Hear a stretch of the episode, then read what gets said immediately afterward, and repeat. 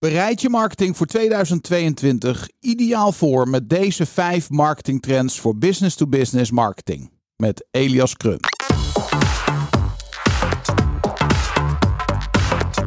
Nou Roland, daar zijn we weer. Een nieuwe week in de Storybrand Marketing Podcast. Zo is het dan, leuk. En uh, lieve luisteraar, voor mij staat Roland in de volledige kersttenue. Als je hier nou zou staan en je zou Roland zien, dan zou je net zo hard lachen als ik. Hij heeft gewoon een pak aan met kerstbomen en rendieren en kerstballen. ja. En zelfs een stropdas. Ja, die kan niet opbreken, toch? Oh, fantastisch, man. Ik kom dus de studio binnen. Ik schrik me helemaal wezenloos, omdat er gewoon iemand in de ruimte staat in een knalrood kerstpak. Ik denk, we hebben zometeen een kerstborrel. Er komt iemand gewoon, er is iemand ingehuurd of zo. Dus ik kijk, kijk van, van, van die schoenen naar boven en ik zie gewoon dat het Roeland is. Ja, meesterlijk. het is echt fantastisch. De mooiste tijd van het jaar. Ja, toch? Hey, we gaan uh, vandaag luisteren naar Elias Krum over de, uh, het onderzoek, uh, de benchmark die ze hebben gedaan in business-to-business marketing. Ja. dan gaan we ons natuurlijk voorbereiden op 2022 met deze vijf belangrijkste marketingtrends. Ja. Maar ik wil eigenlijk, eigenlijk eerst even terugblikken, vind je niet? Ja, joh. Ik denk dat heel veel mensen dat niet doen. Nee. Dat ze zichzelf die tijd niet gunnen. Nee. Terwijl als je gaat terugblikken, je gaat even door je agenda heen bladeren, weet ik veel wat je, wat je gaat doen. Maar dan ga je ineens al die dingen weer zien. Misschien pak je wat foto's erbij. Ja. Dan krijg je al die herinneringen weer. En net als dat je als je je vakantieboek hebt gemaakt en dan kijk je terug. En dan denk je, oh ja, dat hadden we ook nog gedaan. En oh ja, dat was dat toen gebeurd. Waarom is het zo belangrijk om terug te blikken? Ja, het, het beeld wat je hebt van hoe het is gegaan versus als je dan gaat terugblikken, blijkt toch vaak weer heel anders. Dan ja. heb je toch vaak heel veel dingen bereikt. Hè? Dan, uh, als, je, als je gaat kijken naar je successen, hè? een van de onderdelen van Storybrand, dan uh, ja, ga, ga, je waarschijnlijk veel meer zien en ervan genieten dan uh, ja, hoe, je het, hoe je het in je hoofd hebt zitten. Ja, ja en dat is wel een goeie, want uh, zeg maar in de voorbereiding van deze podcast zei jij veel, ik wil het echt even hebben over terugblikken. Ja. En over successen boeken. En um, jij bent er ook altijd heel goed in, want jij hebt een soort uh, eeuwig geheugen. Ja. Jij onthoudt alles. Ja. Het is echt waanzinnig. Elk verhaal wat je hoort, met data, met tijden, je weet gewoon nog precies wat je ongeveer aan had op welk moment en waar wij waren. En ja, dat is echt wonderbaarlijk. Maar um, je zet mij ook altijd wel op scherp, vind ik, Roland. Met uh, hè, vier je successen. Ja, precies. Dat, ja. Echt mooi. En, uh, en uh, jij was ook degene die, um, die altijd zegt van... Um, ja, we moeten hier gewoon een voorraad champagneflessen koud hebben liggen. Dat als we succes hebben, dan moeten we dat direct vieren. Ja, dan moet je dat vieren. Ja, zeker. En dat, dat, uh, dat is een standaard traditie geworden. En uh, wat een feest eigenlijk, hè? We gaan ja. er zo meteen weer eentje ploppen, omdat we net uh, een, een, een hele mooie deal hebben gescoord. Ja. Maar ja, belangrijk. Dus wat is jouw boodschap voor de luisteraar nu tussen kerst en oud en nieuw? Van, doe dit om ervoor te zorgen dat je ja, even terugblikt op het resultaat. Ja, je hebt Hoe doe je dat? Je hebt natuurlijk de, de weekreviews die uh, veel mensen doen. Aan het einde van de week even terugkijken. Joh, uh, wat heb ik allemaal gedaan? Uh, hoe is het gegaan? En heb ik nog open eindjes, zeg maar? Ja. ja hier zou je eigenlijk een soort jaarreview willen doen. Hè? Dat je gewoon eventjes de tijd neemt, twee uurtjes, terug gaat kijken per, per maand. Nou ja, wat, wat gebeurde er in januari eigenlijk? wat zijn de dingen die ik goed vond? Wat komt er anders? Ja. En zo ga ik het hele jaar door. Ja, wij gebruiken allebei de Full Focus Planner van Michael Hyatt. Daar zit die weekly preview noemt hij het. Hè? En ja. uh, David Allen van Getting Things Done noemt het de weekly review. Review, het maakt ja. niet zoveel uit. Het is eigenlijk hetzelfde. Komt op hetzelfde neer, inderdaad. Ja, Maar ze zullen er wel copyright op hebben. ja, ja.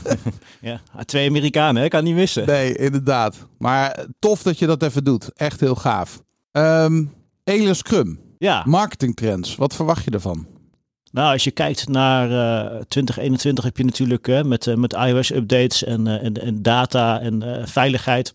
Dat is, dat, dat, is wel echt een ding geweest. Hè? Dat, ik Ja. denk dat, dat heel veel mensen en ondernemers dat on, een beetje onderschat hebben, wat voor effect dat heeft. Ja, Dus ja, dat, ik verwacht wel dat dat eh, daarmee te maken heeft. ja. Hè, dat, dat, dat dat wel gaat doorlopen en dat dan nog een, eh, nou, een staartje is misschien wel zo'n een klein woord. Ja. Maar dat zal wel een staartje hebben. ja. Jij? Nou, ja, ik, ehm, ik, ik weet niet zo goed wat ik moet verwachten als het gaat om de trends. Want ik heb me expres even niet ingelezen in de materie. Omdat ik dacht, ik wil me ook echt laten verrassen door Elias. Oh, leuk. Ja. Bij Elias durf ik dat, omdat hij altijd ontzettend goed is voorbereid. En zijn zaakjes echt op orde heeft. Ja, Hij zeker. komt hier altijd binnen met zo'n remarkable notebook. Die gaat eh, uit de sleeve op de tafel. En dan, eh, dan eh, opent hij hem op zijn notities. En dan, dan gaat hij... Je kan hem gewoon aanzetten. Ja, hè? het is bijna iemand die gewoon de ene one-liner naar de andere eruit gooit. Elias is eigenlijk een soort eh Duracell konijn. ik bedoel dat echt eh, als een compliment. Ja. Hij heeft zoveel energie. Ja, dat klopt. Ja, Ik bedoel, wij hebben ook heel veel energie. En de energie is hier altijd hoog. Als Elias binnenkomt, wordt hij nog hoger. ja zeker. Echt een gouden vent. Ik ben ook heel blij dat hij altijd zo eh, vrij strooit met zijn informatie, met zijn waarde. Ja, En nou, als je dan aan mij vraagt, wat verwacht je? Ik verwacht heel veel waarde. mooi. Ik ben Zullen benieuwd. we Ja. gaan luisteren? Zeker. Alright. Elias Krum is oprichter en CEO van marketing technology bureau Marketing Guys in Amersfoort en Düsseldorf in Duitsland. Hij heeft een aantal passies waarvan ondernemen en marketing technology de grootste zijn. De andere bespreekt hij graag een keer met je in de kroeg. Hier is Elias Krum. Elias, welkom in de studio van eh, Storyband. Het is de tweede keer dat je hier bent. Dankjewel. eh Ja. Leuk om dit eh, weer te zijn. Nou, echt heel gaaf. We hebben alweer eh, zitten lachen, gieren, brullen hier. Altijd. Het is altijd een feest als je binnenkomt lopen. En dan heb ik het gevoel van, nou, energy gaat omhoog. En Elias is in de house. Nou, weet je, kijk, ik, ik zit er wel altijd zo in dat je, eh, als je het werkt, moet je iets doen wat je leuk vindt. Ja, En ik doe heel veel leuke dingen. Jij doet heel veel leuke Ja. dingen. Dus ja, als je, als je een baan hebt waarbij je niet plezierig voelt, nee. direct stoppen. Gewoon Direct wat anders stoppen, gaan doen. ja, dus, en dat heb ik gelukkig de afgelopen tien jaar geen één keer gehad. Nee. Nee. Dus Nee. Ik, eh, ik ben heerlijk eh, vrolijk daarin. Ja. De afgelopen drie dagen heb je dat gevoel nooit gehad. Nee, zeker niet. Zeker niet. een beetje die reclame van het waren drie mooie Het waren dagen. twee fantastische ja- dagen. Ja, Ja. ja. dat soort dingen. Ja. Oh, fantastisch. Elias, we gaan het hebben over de trends voor 2022 In B2B. in business-to-business marketing. Yep. Nou, ehm, jullie hebben een groot onderzoek gedaan. Kun je daar wat over vertellen? Ja, tuurlijk. Wij hebben een, eh, de, de B2B benchmark gedaan. Ja. De B2B marketing benchmark moet ik zeggen. Waarin we bijna 200 marketeers hebben ondervraagd over allerlei eh, zeg maar, kennis op het gebied van, Ja. eh, van marketing. En eh, die hebben we samengebundeld. Is in eind november uitgekomen, Ja. 2021. En eh, willen we nu ook jaarlijks uit gaan brengen. En daar zijn er een paar leuke trends uitgekomen die we vandaag gaan bespreken. Dat Cool. rapport is op onze website marketingguys.com te Ja. downloaden. Ja. Voor het geval je dat mocht, eh, mocht willen nadat je hier Ja, eh, de podcast hebt beluisterd natuurlijk. Is het meteen op de homepage of heeft het een speciale URL? Anders zetten we hem in de show notes. Maar is Hij, hij zal in de show notes te vinden zijn. Via, de, via de website vind je hem vast, hè, de, de homepage. Maar durf niet te zeggen of er nou een pop-up zit vandaag, want dat testen we altijd. ja, precies. Mooi hè? Ja, Geweldig. alles is te meten. Ja, alles is te meten. Alleen eh, een van de leuke dingen uit die eh, benchmark, of nou leuk, eh, opvallende, eh, misschien ook wel enge dingen, is dat eh 60% van de marketeers aangeeft dat er eigenlijk te weinig kennis op het gebied van data en analytics is. Ja, ik zag 60%, het. Ja. dat is echt veel. Bizar. Ja. Ja, groot probleem. Nou, vijf trends gaan we doornemen. Eh, aan jou het woord, Elias. Ja, nou laten we beginnen met trend 1. Ik ehm, kom zelf net terug uit Amerika. Eigenlijk Ja. na anderhalf jaar eh, mochten we weer eh, over naar Amerika. We hadden het voordat we de opname starten al even kort daarover. Maar voor mij een belangrijke reden om naar Amerika eh, te gaan is niet alleen om het eh, bijhouden van relaties. Want ik geloof heel erg in persoonlijke relaties. De, de Zoom en Teams is allemaal heel erg leuk. Ja, Maar als je uitstaat, dan zijn ze je weer vergeten. klopt. En niks is zo belangrijk als een persoonlijke relatie. Dus ik, ik ga altijd eh, nou ja, een aantal keer per jaar naar Amerika. Dat kon de afgelopen anderhalf jaar helaas niet, maar Nee. dit, keer, dit keer weer wel.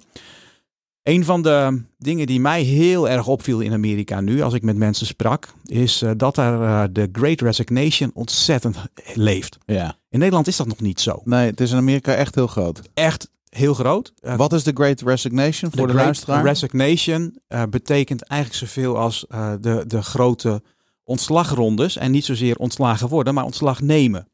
Dus mensen nemen ontslag, resignen, Ja. een job. Omdat ze denken dat het elders beter is, dat ze beter voor zichzelf kunnen gaan beginnen, et cetera. En dat is op dit moment drie keer zo hoog als normaal. Hmm. Als je erop googelt, hè, eh, dan, dan vind je er zelfs een wikipagina over eh, de Great Resignation. Ja. Staat een grafiekje op. Drie keer zoveel mensen als voor corona zeggen hun baan op op dit moment. ja. Nou. Gaan ze naar een andere baan of, Of, voor zichzelf. of voor zichzelf? Gewoon hun droom najagen. Je hoorde natuurlijk eh, eh, deze week al in, bij, bij ons hier in het nieuws dat er nog nooit zo'n lage werkloosheid is geweest. Ik geloof 2,7 procent is die op dit moment. Als je dat combineert met mensen die weggaan, dan heb je als werkgever best een uitdaging. Ja. Nou, de, de, de eerste trend die ik daarin zie voor volgend jaar is dat eh, de marketing in recruitment Ja. bijna belangrijker wordt dan de marketing voor je merk Ja. of voor je producten. Ja. Dus recruitment marketing wordt minstens zo belangrijk als product marketing, lead Absoluut. generatie, brand marketing. En die trend zie ik nu al, dat kan ik bevestigen. Dat klanten bij ons al vragen, kun je gaan adverteren voor recruitment? Absoluut, absoluut. Wij zien het, ex- wij zien het exact hetzelfde. Ja, Veel eh, recruitment agencies, maar ook bedrijven die zelf tekorten hebben, mensen hebben. En dat is niet alleen maar in IT, dat is Nee. echt branche, branchebreed eigenlijk, over allerlei branches heen. Zie je dat mensen op dit moment eh, op zoek zijn naar Mm. goede mensen. Die zijn niet te vinden. Ehm, en eh, ja, het, het aparte uit het onderzoek is, wat bij ons blijkt, Ja. is dat echt een fractie van de marketeers, sterker nog, het minst genoemd, ziet recruitment marketing als een primaire taak. bizar. Dat is echt bizar, want Ja. je, de, is misschien omdat marketing er niet op afgerekend wordt, hè, want marketing is traditioneel natuurlijk Ja. voor eh, omzet, Leads, omzet. leads, Ja, maar, naamsbekendheid. Ja. nieuw Maar business. recruitment, dat wordt, hem, dat wordt het echt zo meteen. Want het vinden van de juiste mensen is gewoon noodzakelijk om überhaupt je producten te kunnen leveren Ja. en je diensten. Ja, dat is wel een heftige. Ik heb wel het idee dat als je naar Amerika kijkt, dat er ook een hele grote re- resignation is. Hè, dus een wegstroom van personeel bij ehm, corporate Amerika. Ja, Hè, dus dat het ook steeds meer gaat van, joh, ik ben, het, ik ben de cubicles waar ik moet zitten, ben klaar mee. De eisen, de hoge eisen die corporate Amerika me stelt. De stress, de druk. Dus misschien is dat ook al wel een antwoord voor de luisteraar van, heb je hiermee te maken in je business? Zorg dat je een aantrekkelijke cultuur hebt waar mensen gewoon niet meer weg willen. Absoluut, dus zeker. Eh, Je moet natuurlijk je als, als werkgever aantrekkelijk zijn om überhaupt te willen werken. Hè. Wat ik net ook al tijdens de intro zei. eh, steeds meer mensen kijken daar gelukkig zo naar. Ik, ik, ik, heb dat eigenlijk altijd zo gedaan. Als ik Ja, ergens veel tijd aan spendeer, eh, lees een baan.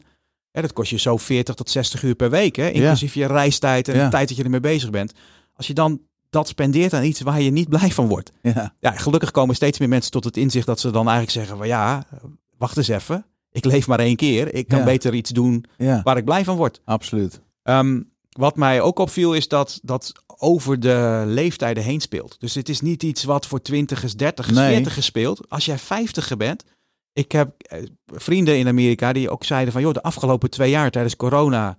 ik werd nooit benaderd via LinkedIn. Die worden nu drie keer per dag Ja. benaderd voor een baan. Ik, ik, ik weet niet hoe jij er naar kijkt, Elias, maar ik heb, als je het nu zo erover hebt, denk ik, het is heel logisch dat het nu gebeurt na corona, want we hebben met z'n allen ook wel heel veel tijd gehad om na te denken wat er echt belangrijk is in het leven. Hè, want als de hele wereld opeens stop, eh, stilstaat en je eigenlijk veel meer tijd had om na te denken, je kon niet uit eten, je kon niet daarheen, je kon niet hierheen, je ging weer spelletjes spelen, je ging een boek lezen, je ging misschien wat meer nadenken, is misschien ook wel een hele wake-up call geweest van waar doe ik het eigenlijk voor? En wat wil ik eigenlijk? Hè? Dus, dus ja, waarom zou ik werken in een baan die, denk jij er ook zo over? Nou, exact. anders? Ehm, en daarbij nog een keertje dat dat in Nederland eigenlijk nog, nog niet zo aan de gang is. Nee. In Amerika lopen ze denk ik wat voor daarop. Ja. Want vorig jaar dachten Amerikanen ook, oh, ja, weet je, meer het zo van, joh, eh, de, de wereld vergaat, eh, corona, et cetera. Ehm, wie geknipt wordt moet stilzitten, dus niet van baan verwisselen. Nee. Dus je zag eerder dat mensen honkvast werden, maar een jaar later is iedereen, en veel harder dan daarvoor, aan het switchen. Ja. In Nederland is dat nog niet zo. Nee. Ik merk nog steeds wel een cultuur van, nou, oei, is dat gras wel zo groen? Wat krijg Mm. ik ervoor terug als ik wegga? Dus die, maar ik verwacht dat het in 2022 ook net zo hard gaat als in Amerika. Dat, Ja. dat het nog veel lastiger wordt om Ja. juiste mensen te vinden. En je dus alles als werkgever moet doen om je zeg maar als goede werkgever neer te zetten. En dat niet alleen maar in marketing te doen, maar ook daadwerkelijk ervoor te zorgen dat je een goede cultuur hebt. Ja, dus jij zegt eigenlijk van joh, wat de trend die ik zeg maar in Amerika zie, die hier misschien nog niet zo zichtbaar is, is er eentje om in de gaten te gaan Absoluut. houden voor Nederland. Want dat, de kans is groot dat die hier ook door gaat breken. Absoluut. En Ja. zeker dus in je marketing. Voor die marketeers die wij dus ondervroegen en eigenlijk zeiden van nou, ik zie dat niet zo als een core activity, recruitment marketing, zou ik zeggen van nou, ik zou, het, hem in de gaten. ik zou het zeker gaan doen. Ja. En het zeker gaan benoemen en, en zorgen dat je recruitment marketing in ieder geval gaat benoemen en daar een plan voor hebt. Ja, en misschien wel een early adopter wil zijn van Mhm. deze nieuwe trend, om juist een voorsprong te hebben op je concurrentie. Exact. Mooi. Exact. Dankjewel. Een tweede trend die wij, uh, die wij zien, en dat klinkt een beetje als een open deur, is, uh, is dat er steeds meer data gedreven gewerkt, gewerkt ja. wordt. En ik zeg dat klinkt als een open deur. Ik gaf het net tijdens de intro al even aan. Ja. Um, een heel groot gedeelte van de mensen geeft aan, van de marketeers geeft aan dat ze die kennis niet hebben. Als je op de Nima-website kijkt, dan staat er een artikel. Um, ik kan het later even delen, maar je kunt het ongetwijfeld ja. googlen. Um, ja. Maar een derde van de managers, van de marketing managers, vertrouwt zijn data niet. Wow. Een derde, dus 33 procent, vertrouwt zijn data niet. Als je weet dat data eigenlijk alles is, ja. dan moet je dus ervoor zorgen dat je, die, dat, je dat wel op orde gaat krijgen en dat je Ja. dat kunt gaan vertrouwen. Als je daarbij optelt dat nou, twee derde bijna van de marketeers, 59 procent, dus wat minder dan twee derde, maar eh, een derde, twee derde, Ja. eh, twee derde geeft eigenlijk aan, ja, die kennis over data-driven marketing, Ja. die is er eigenlijk niet bij ons op de afdeling. En hoe lang roepen wij al dat het data-driven wordt? Ja. Ik, ik haal daar soms eh, Martijn de la Haye van, van AFAS op aan. Die zegt, Ja. ja. het is geen data-driven, het is data-inspired. Alles, alles goed en wel, de- de- wat what's in Ja. the name. Maar je moet ervoor zorgen dat je die data kunt gaan interpreteren. Dus die 100%. data en analytics. Ja. En ik haal daar vaak mijn, eh, mijn, eh, mijn opleiding bij aan. Ik heb eh HAO International Business gedaan. In die tijd heette dat nog economisch-linguistisch. Ja. Dat was eigenlijk de, de, de, de talenkant van de CE, hè, commerciële economie. En in die tijd, hè, ik, ben, ik heb van 94 tot 98 dat gedaan. Als je dan marketing ging doen, ja, dan was je creatief. Ja. En dan had je hippe broek aan, hip Ja. kapsel. Ja. En dan werd je marketeer. Die was de creatief. Ja. Wij- roepen eigenlijk al tijden, van eigenlijk al sinds 2010 denk ik, van joh, data eh, is de andere helft. Hè? Dus je bent voor de helft creatief. Ja. En voor de andere helft eigenlijk wetenschapper, hè? scientist. Ja. In marketing. Absoluut. Heb je die kennis niet, dan voor 2022 zorg dat je erin investeert. Ja. Het zij kennis op, opdoen, hè? trainingen volgen. eh, en dat kan eh, live, dat kan via video's, et cetera. Ja. Lukt dat niet, huur de juiste mensen in. Want je Ja. moet gewoon die data kunnen analyseren om de juiste aanpak te hebben. Absoluut. Je bent anders gewoon geld aan het verbranden. En eh, data-driven of data-inspired. Het, het, het uitgangspunt, het vertrekpunt is data. Daar begint het. Exact. En ik zeg wel eens, eh, jij zegt 50-50, creativiteit eh, en, en, en de science. Wij zeggen hier wel eens, joh, het is 80% wiskunde, 20% creativiteit. Want uit de data, er is zoveel meetbaar geworden. Dat het echt, wij zien ook in ons werk dat dat veel belangrijker is geworden. En dat we heel veel daarmee bezig zijn. Om vervolgens de juiste beslissingen te kunnen nemen qua conversieoptimalisatie. Exact. En dat is precies wat ik ook vaak fout zie gaan. Ja, Is wat jij zegt, er wordt zoveel gemeten. En ik durf bijna wel te zeggen, nou, 60, 70, 80 procent van de marketeers blijft bij constateren. ja, Dus kijken naar een, een cijfer. Ja, Ja, de CTR is dit. Of de, de, de CPL is dat. Hè? Kost, eh, kost per lead, eh, eh, kost per Click-through rate, click-through rates. Maar wat betekent dat? Dus wat, wat ik veel zie is, het wordt in silo's bekeken. Hè? Dus iemand kijkt, ja, ik ben een Google Ads specialist. Of ik ben een Facebook Ads specialist. Of ik ben een conversiespecialist. Dus ik kijk binnen dat kader naar mijn cijfers. En blijf bij constateren. Ja. Maar als jij Google Ads specialist bent. En je kijkt alleen maar naar de cijfers binnen Google Ads. En je hebt voor de rest oogkleppen kleppen op. Ja, dan weet je nooit wat het bij gaat dragen aan de business. nee, Altijd in je achterhoofd Ja. houden. Wat draagt dit bij aan de business? precies. En wat betekenen die cijfers nou? Want Ja. het kan best zijn dat je 10% click-through rate hebt, wat dan hoger is in Google Ads. En zegt van ja, we hebben 100 conversies gehad. Wat zegt dat? Ja, hoeveel Hoe klanten zijn, eruit Hoeveel gekomen? klanten zijn eruit Ja. gekomen? Maar hoe zijn ze bij je gekomen? Ja. Hoe kunnen we de gemiddelde kosten omlaag krijgen? Hoe zorgen we ervoor dat we effectiever gaan communiceren? Dat we de juiste... Nou, we zitten hier bij de Storybrand podcast. Ja. Dus hoe zorg ik ervoor dat ik de juiste mensen mijn verhaal vertel... in plaats van de hele wereld een verhaal aan het vertellen ben... wat ze niet interesseert wellicht. Eens. Ja, constateren is één, conclusies trekken is twee. En testen en meten is vervolgens weer drie. Absoluut. En wij zien het ook een beetje als zoek nou de dataset die bij elkaar hoort. Hè, welke verschillende datapoints wil je meten die samen een beeld geven waar je echt iets mee kunt. Waar je ook op kunt sturen, maar waar ook het resultaat meetbaar is. Precies. En dat maakt het leven veel leuker. Precies. En de dingen die ik daar inderdaad ook in mee wil geven is van ga dan niet te veel dingen meten. Nee. Want het risico met online is dat alles meetbaar is. Hè? Dus je kunt voor jezelf wel honderd dingen meten per dag. Hè? En dan zeggen van nou, ik maak er een dashboard van met 100 meetmomenten, 100 punten. Nou, dat is niet meer overzichtelijk. Ja. Dus doe vijf tot zeven dingen, meet die, Ja. stuur daarop. En zorg ervoor dat je niet alleen maar constateert, maar ook acteert erop. Ja. En dus conclusies trekt uit wat er met die data, ah, wat er uit die data komt. En Ja. marketeers zijn er altijd een ster in. Kijk in rapportages, et cetera, om te constateren. Ja. En zeggen, ja, de CTR was dit. Oh, we hebben er heel veel impressies En gehad. En, En nu, nu? Ja, Ja. Wat, betekent dat dan? Hoe krijg ik die kosten omlaag? Hoe krijg ik de omzet omhoog? Hoe zorg ik dat ik de juiste punt. mensen bereik, et cetera? En nogmaals, er zitten dus ja, twee derde van de marketeers geeft in dat onderzoek aan. Joh, wij hebben die kennis niet. Nee. nee. Dus de trend is eigenlijk een derde vertrouwt van de managers in marketing hun data niet.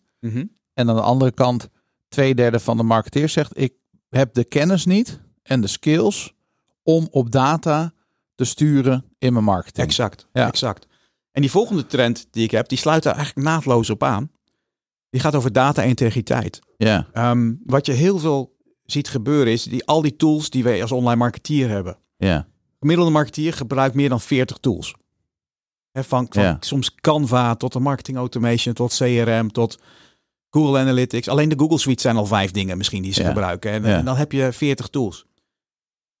ja Al- dan doe je niks geks. En dan doe je niks geks. Nee, want het is zeg maar in, in marketing eh, kan het maar zo zijn dat je er 100 gebruikt. Als je alles bij elkaar optelt, want veel mensen denken, ja, maar ik gebruik, ik gebruik, gebruik vijf toeltjes. Nou, ga eens goed kijken. Je gebruikt Ja. echt sowieso 25. Ja, Ehm, al die tools, die, die, die poepen data uit. Ja. Overal komt data uit. Ja. En het gaat allemaal mooi in databases, et cetera. Hopen data.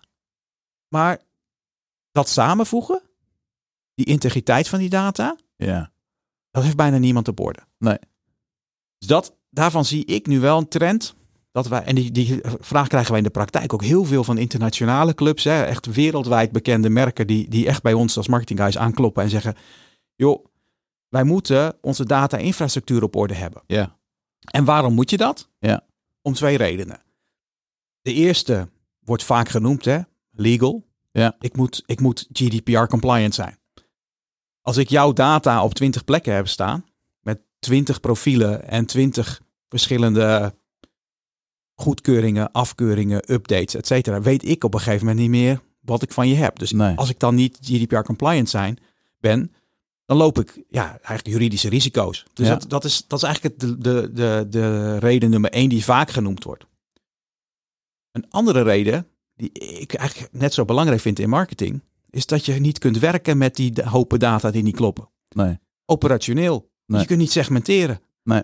Je kunt niet de juiste boodschap over gaan brengen naar de juiste doelgroep als je niet weet hoe je die doelgroep eruit moet halen. nee, Dus ja, ga ik het uit mijn CRM halen? Ga ik het uit mijn HubSpot halen? Of ga ik het uit mijn advertentiecampagnes halen? Waar ga ik die data, welke data ga ik nou gebruiken? Ga ik die Excel-lijstjes nog een keertje updaten in mijn systeem?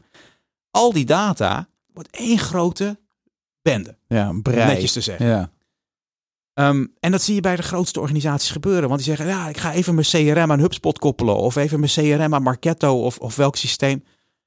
En de lijstjes dat daaruit komen, echt niet meer werkbaar. Dus los van je juridische risico wat je loopt. Ja, als marketeer is het eigenlijk net zo belangrijk dat je gewoon operationeel niet meer kunt werken. nee, Want je moet gewoon zorgen dat je je data-infrastructuur op orde hebt. ja, Nou, wij hebben daarvoor zo'n data-infrastructuur blueprint gemaakt. Eigenlijk van hoe zou je dat moeten doen? Hè? Hoe zorg je ervoor dat je je data op één punt vastlegt, hoe dat koppelt, et cetera. Er zijn Ja. allerlei oplossingen voor. Stuur me een mailtje, eh, staat er vast in de show notes. ja, Als je dat wil hebben, zo'n zo'n gratis eh, eh, blueprint, die hebben we gewoon in, in een PowerPoint staan, kunnen we je gewoon toesturen. Maar die, die data-infrastructuur, ja, die moet op orde. En dat, Ja. dat zie je, dat is bijna bij elke organisatie die al met marketing technology bezig is. Hè? Automation, CRM, eh, het is gewoon een zooi. ja, ja, geloof ik direct. Ja, dus, maar je ziet het ook in de praktijk Ja, waarschijnlijk. Gewoon iedereen, alles, alles genereert data en data. Is voor mij ook altijd wel een beetje een leuke sidestep hoor. Maar ik, ik geef vaak de training eh, personalisatie, customer journey voor, eh, voor onder andere Frankwatching.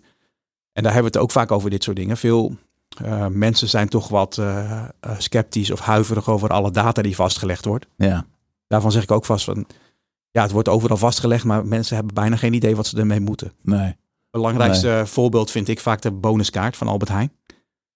2001 werd die geloof ik geïntroduceerd. Zou goed kunnen. Ehm, een van de belangrijkste dingen die toen genoemd werd was ook van ja, ehm, het is gevaarlijk. Dan gaat Albert Heijn vastleggen wat je wil. Dan weten ze alles van je. eh et cetera. Nou, ik kan je vertellen, Albert Heijn weet heel veel van je. Als jij eh, met, die, met Appie, de Albert Heijn app, de Albert Heijn inloopt, vraagt hij of je met je wifi wil connecten. Ja, Ja. dat is niet, niet voor niks hè. Nee.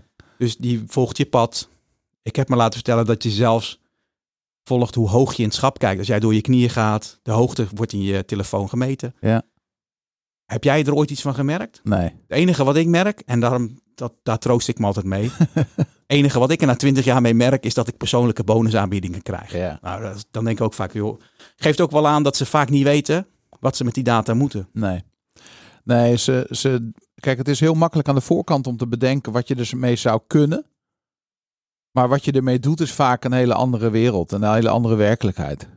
Wat je ermee doet en überhaupt die data Ja. gebruiken. Ja. Daar heb je gewoon zo'n data-infrastructuur voor nodig. Ja, wij zeggen ook wel eens, hè, als je nou naar Stephen Covey kijkt met de zeven eigenschappen van effectieve leiderschap en je pakt het principe met het einde voor ogen beginnen, dan is daar vaak de vraag die we aan de klant geven van oké, en stel dat we dat geregeld hebben voor je, wat ga je er dan mee doen? Precies. Eh, en ja, dan kom je weer terug bij af. Je moet eerst weten wat je ermee wil gaan doen.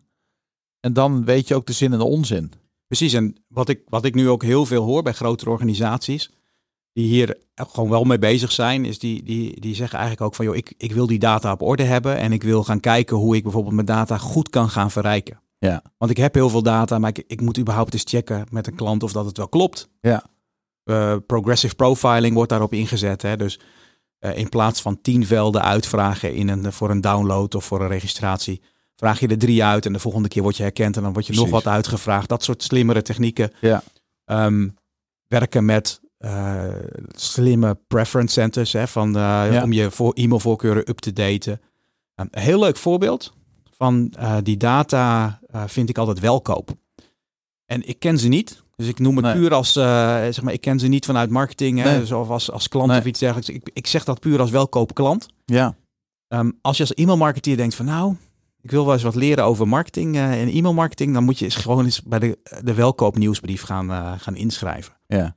En dat doen ze zo leuk, vind ik. Hè? Complimenten voor, Ja. eh, voor welkoop. En de marketeers die erachter zitten, ze hebben net een rebranding gedaan. Maar die weten eh, of jij een tuin hebt of een balkon. Eh, dus jij krijgt, als jij gras hebt, krijg je de graswekker. Ja. Dan krijg je te horen wanneer je kalk op je gras moet gooien. Op dierendag krijg jij een mailtje en dan staat er op beste Elias. ehm, je kunt voor Simba, mijn kat, kun je een kattenspeeltje komen afhalen of iets, iets leuks komen afhalen. Ja. Hele simpele dingen die ze gewoon tijdens het aanvraagproces hebben ingevuld, waardoor je ja, relevante informatie krijgt. En je kunt Ja. denken van ja, waarom moeten ze dat allemaal van me weten? Ik vind het hartstikke leuk. Ja. Als ik gepersonaliseerd, als ik, als ik aanbiedingen krijg, ja, ik heb niks aan hondenvoer aanbieding, want Nee. ik heb geen hond.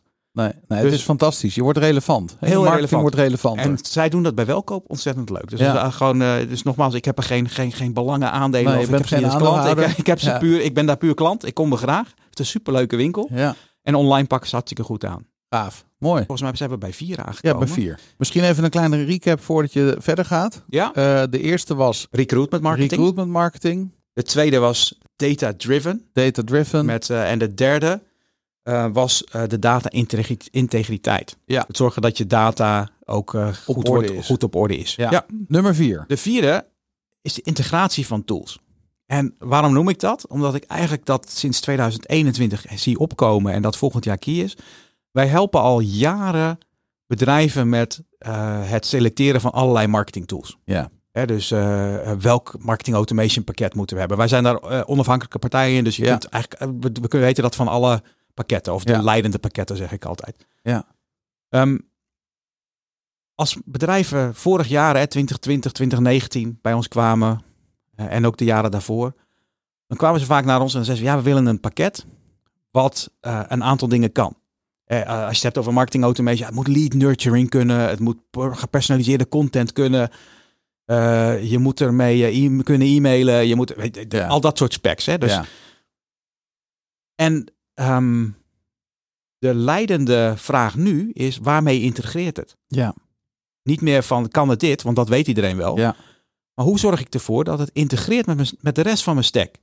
Hè, mijn Martech stack of Marketing Ja. Technology stack, de, de, de omgeving die ik heb. Hè, dus Interessant hè, wat er gebeurd is. Want die technologie is zo eh, op een hoog niveau gekomen dat we ons bijna niet meer afvragen of het iets kan.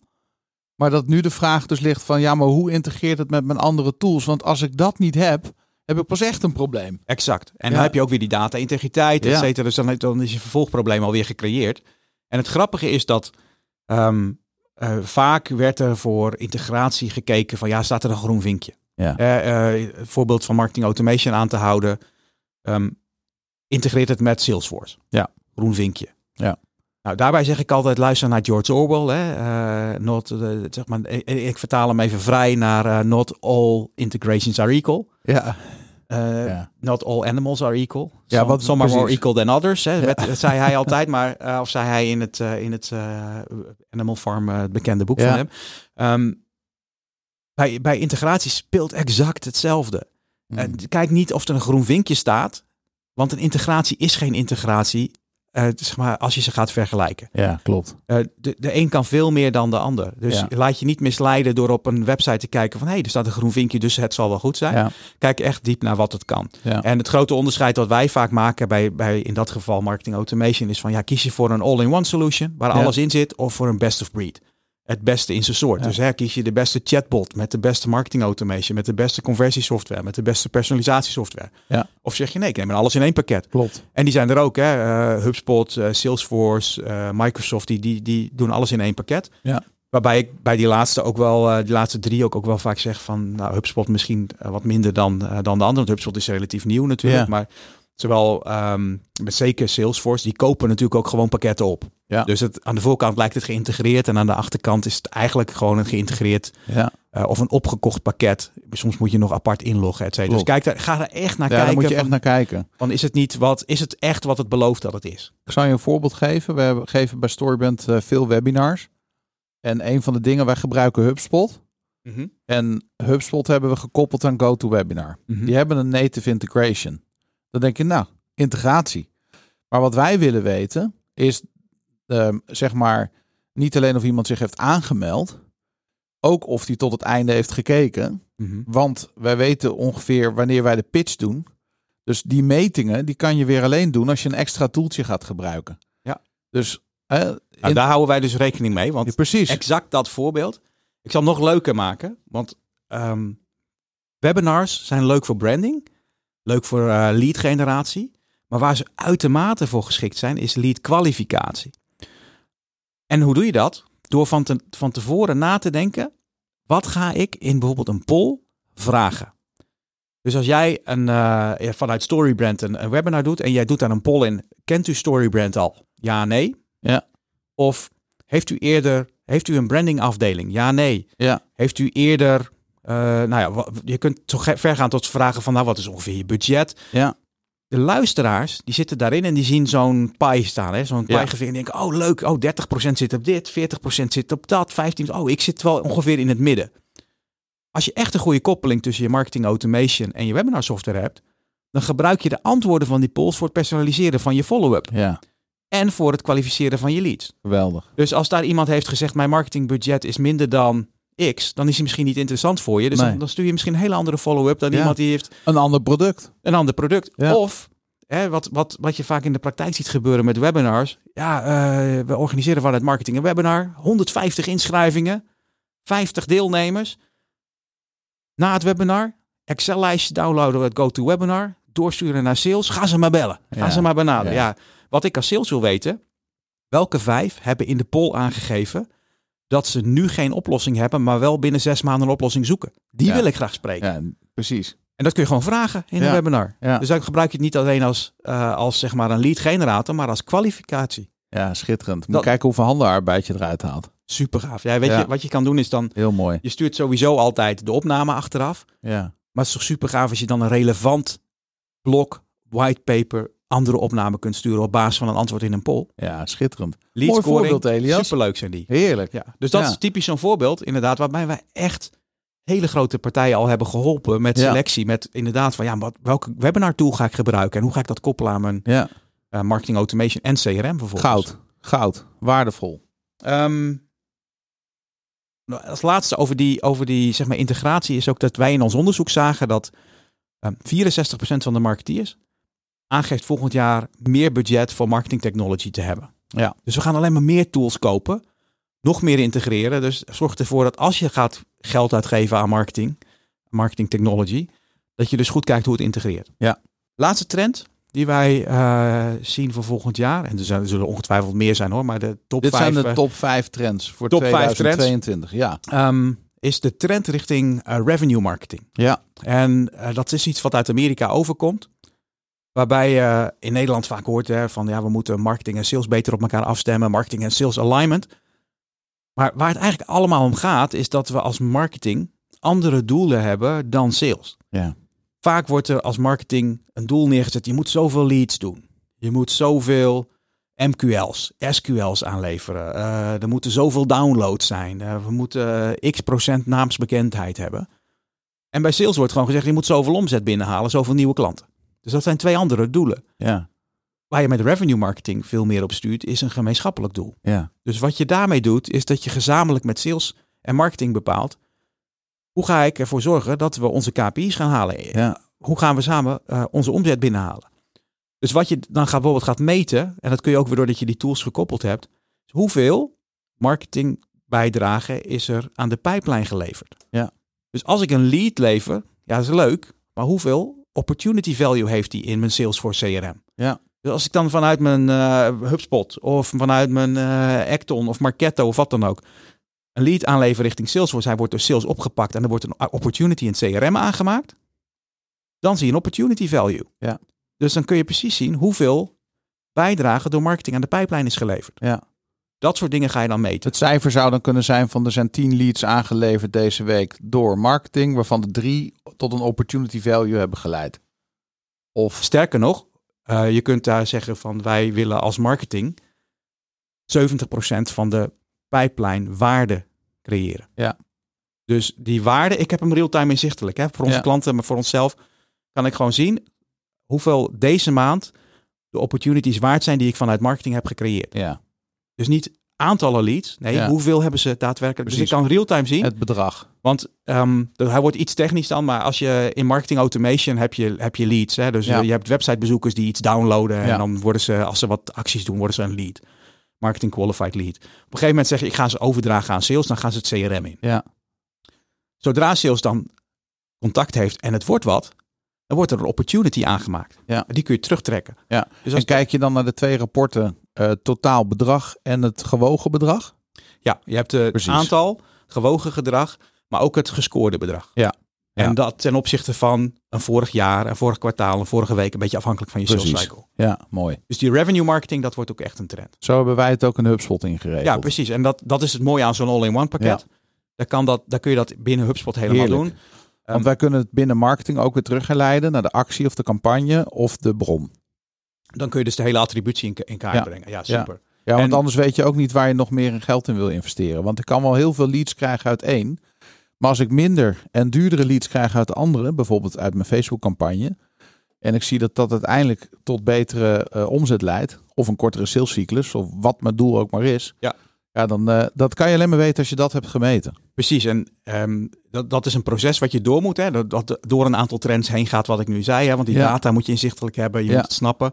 Ehm, maar ja, ik merk al vaak dat, dat gewoon de, de eerste stappen het belangrijk zijn. Hè? Van Ja, wat, wat mag je CPL zijn? Hè? Wat mag een lead eigenlijk kosten voor Ja. een bedrijf? ja. Als ik dat aan een gemiddelde marketeer vraag, dan zeggen ze vaak... "Boe, ik durf het niet te zeggen. Durf het niet te dat zeggen, maar- krijgen wij het meeste te horen. Van, wat is je customer lifetime value? Wat, wat, hoeveel mag ik uitgeven Ja, om een nieuwe klant binnen te halen? ja. En dan vervolgens kan je dat gaan meten en dan kan je daarop optimaliseren. Maar dat soort basisvragen, daar heb je niet eens zo heel veel technology voor nodig. Nee, Om na te denken van hoeveel geld mag ik eigenlijk uitgeven? Want nee. ja, ik weet exact hoeveel ik aan een lead op LinkedIn kan uitgeven. Ja. En hoe lang het duurt voordat die klant wordt. Anders, ja, dan, dan kun je toch ook niet gericht investeren. Maar goed, dat, dat, daarom gaf ik al aan in dat onderzoek blijkt ook, ja, twee derde heeft die capaciteit gewoon niet. Ehm, en daar moet je echt in investeren. Ja. Dus eh, of, of je besteedt het uit of je gaat zelf erin opleiden. Maar het is gewoon uiterst belangrijk om dat, eh, om dat voor elkaar te hebben. Dat waren mijn vijf trends staan. Een wereld om te winnen. Dankjewel Elias. Nog even, marketingguys.com. Mhm. Ga naar de website van Elias. En zorg dat je de benchmark downloadt. En kijk even in de show notes, ook voor het e-mailadres van Elias. Mocht je interesse hebben in hoe heet het document ook alweer voor de data? De data-infrastructuur. De data-infrastructuur. Daar hebben we een, een, een blueprint voor. Dus de blueprint voor de data-infrastructuur. Ja. Perfect, enorm waardevol. Nou, je weet al wat mijn laatste vraag is. Je Ja. kwam hier binnen, je zei van, nou, ik weet nu al wat jouw laatste vraag gaat zijn. exact. weet, jij, weet jij wat mijn antwoord gaat zijn? Ik denk het wel. Ik heb volgens mij al een titel voorbij horen komen. Ik heb er drie vandaag. Ja? Ja, Oh, wauw. Eentje met eh five? ja Ja? zeker. Mooi. Ja, ik ben echt mega fan. En dat, ik heb ook met mijn, mijn hele team, eh, zeg maar bij Marketinghuis, we zijn met z'n 15 en zijn we echt aan het, eh, zeg maar, ben ik continu aan het inspireren en te, te zeggen van, joh, probeer nou gewoon eh, lid te worden van Storytel. Nogmaals, geen aandelen of wat dan ook in Storytel, maar eh, als je geen tijd hebt om te lezen, ga gewoon luisteren. Ja. Ehm, ja. de, de 5 AM Club, Ja. echt, eh, ik, ik ben hem op dit moment, eh, ik ben op twee derde. Ja. Het is superleuk, superleuk. Het is een interessant boek om te luisteren. Het kan je helpen om in processen te denken, te zorgen dat je dag veel zeg maar, logischer, beter, productiever wordt ingezet. Noem één dingetje wat jou zo heeft geholpen. Waarom, je, wa- waarom vind jij het een goed boek? Nou, ik, ik, de reden waarom ik het een heel leuk boek vind om naar te luisteren, is dat het in verhaalvorm is verteld. Ja. Dus het wordt verteld aan de hand van een eh, Het leven van van, het iemand. leven van Ja. iemand. eh, het speelt op eh, Mauritius, et cetera. Ja. Dat vind ik heel erg leuk. Maar wat voor mij heel belangrijk is, en de vorige keer heb ik dat ook genoemd, is ehm, ehm, het boek Atomic Habits. Heb, heb ik vorige keer genoemd. Hè? Heb ik vorig jaar, of begin, begin dit jaar een keer genoemd en Fout. gelezen. Super. Maar dit gaat eigenlijk door op die trend. En wat ik heel belangrijk vind, is dat je zorgt dat je een habit creëert. En dat doe je Ja. eh, door het 66 keer te doen. Ja. Wij hebben het er offline wel eens voor gehad, maar ik heb bijvoorbeeld de habit ontwikkeld om het afgelopen jaar altijd naar mijn werk te lopen en weer Ja. terug te lopen. Voor mij is het raar om met de auto te gaan. Ja. Ik loop gemiddeld 13.000 stappen per dag. Twee jaar geleden liep ik er 7000 per dag. En ik, ik doe dat zonder erbij na te denken. ja. Zo'n habit. Dat geeft je- 7000 is al best veel. Voor iemand met een kantoorbaan. Ja, dat geloof ik. Maar goed, ik, ik ben dat gewoon gaan doen. Ik dacht van, nou ja, ik, ik, ik, ik ga zo'n habit ontwikkelen. Ja. Ik doe dat ook structureel in mijn dag, hè, mijn, mijn tijden indelen. Ja. En ik ben met de 5am Club nog niet begonnen, want mijn vrouw die zei letterlijk, oh, ik zei van, hé, hey, grappig boek. Ze zei, eh, leuk boek, maar als je het maar niet gaat doen, Nee. die laat, Maak me niet wakker. Maak me niet wakker om vijf uur, maar Ik ik, zeg, nou, ik, zie het wel. Dus eh, dat is dat. Ja. Nee, ik, ik, ben dan nog, ik ben hem nog aan het lezen. Dus eh, er zit een app bij en ik, ik ben wel van plan om het te gaan doen. Ehm we kijken, een, een ander boek wat ik onlangs heb gelezen, wat een superleuke is, wat ook reflecteert op de vorige podcast, is Never Split the Difference. Ja, Echt geweldig boek. goud. Door jou ben ik die nu aan het lezen. Oh, ik heb hem als luisterboek op Audible. Ja. En, Hij wordt eh, door Chris zelf voorgelezen op ja. Audible, hè? Chris ja, Voss. Ja. Het is Briljant. echt eh, in je zakelijk leven, en, maar ook in je privéleven, hè, in onderhandelen. ja. Het boek is geschreven door Chris Voss, een voormalig ehm, onderhandelaar bij de FBI. Ja. Eh, eh, Negotiator. Voor, negotiator Ja. voor eh, hostages, zo noem je dat? eh, Ja. voor eh, Gijzelaar, gijzeling, gijzelingacties. Dus als Ja. iemand gegijzeld wordt en er wordt losgeld geëist, ging hij onderhandelen. Ja. En hij leert je in dat boek zo goed dat inzien hoe zo'n onderhandeling werkt, ook psychologisch. Ja. Ik heb het direct in mijn, in mijn zakelijk en in mijn privéleven ingezet. Het echt, dat heeft mij echt duizenden euro's opgeleverd, echt in de eerste weken. Ik geloof het direct. Het is, eh, het is ik, wat ik zo knap vind. Kijk, want we hebben het over een heel emotioneel iets, hè? Een gijzelactie. Dat is heel heftig. En dan het hoofd koel houden. En de juiste beslissingen nemen en vragen stellen. En dat je dat gewoon Stiltes kunt laten vallen. En de stiltes laten vallen.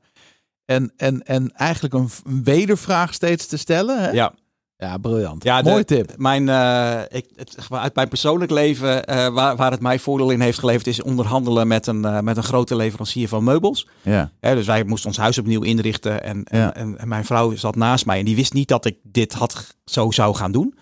Dus die voelde zich daar ontzettend ongemakkelijk bij. Ja, dus er werd, werd een bedrag voorgesteld aan mij.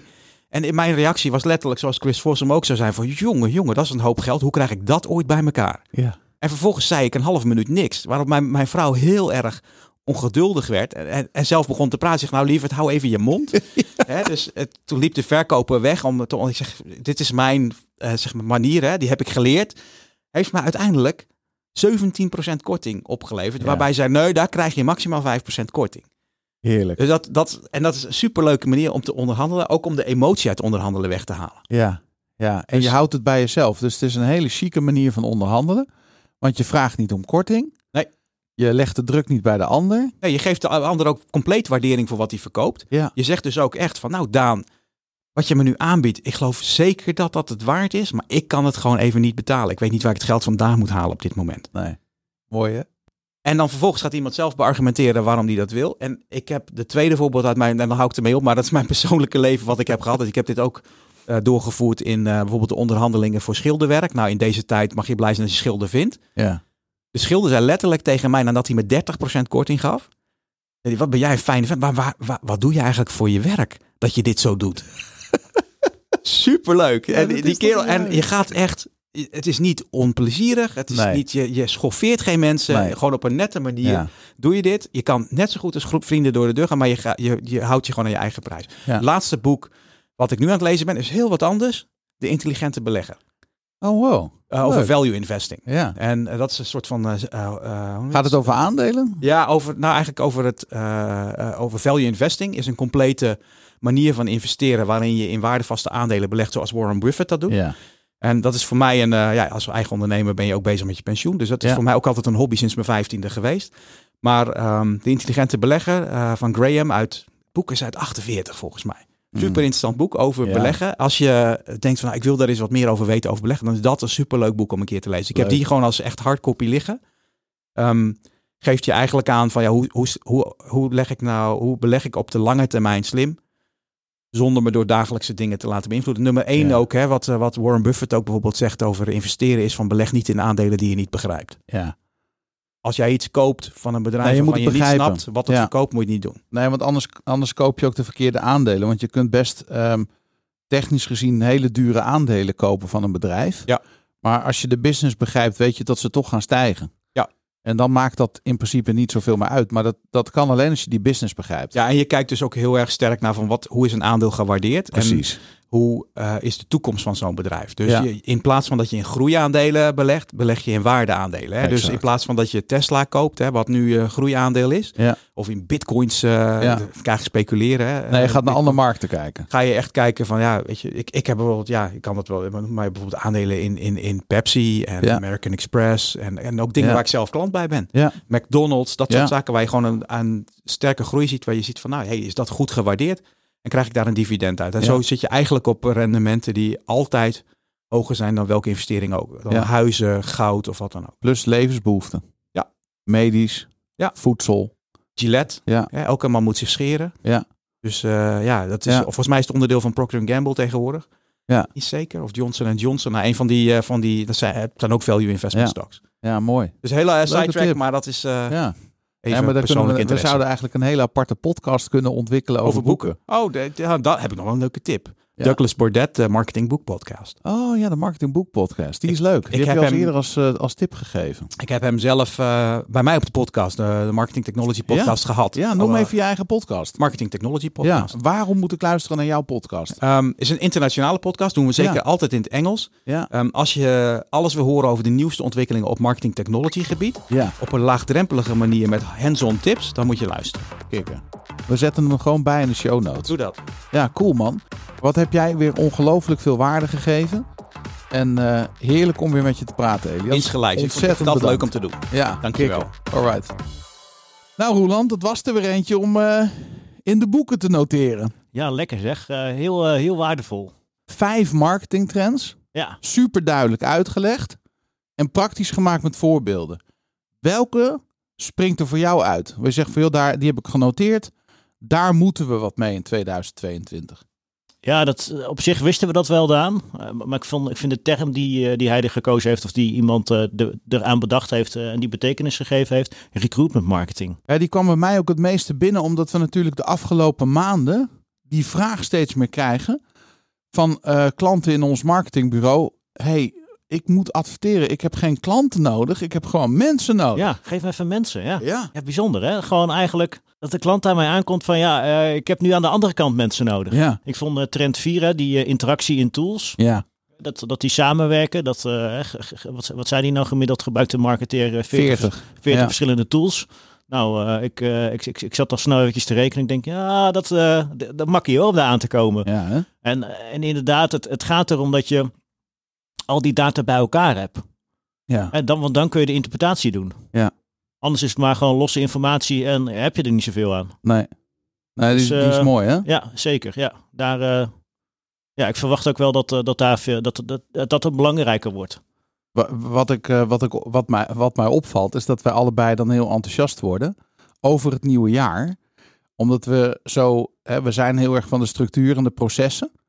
En, ehm, en dit is echt weer voor ons zoiets van, oké, we gaan hem nog even iets scherper zetten. Hier Ja. gaan we mee aan de slag. Ja.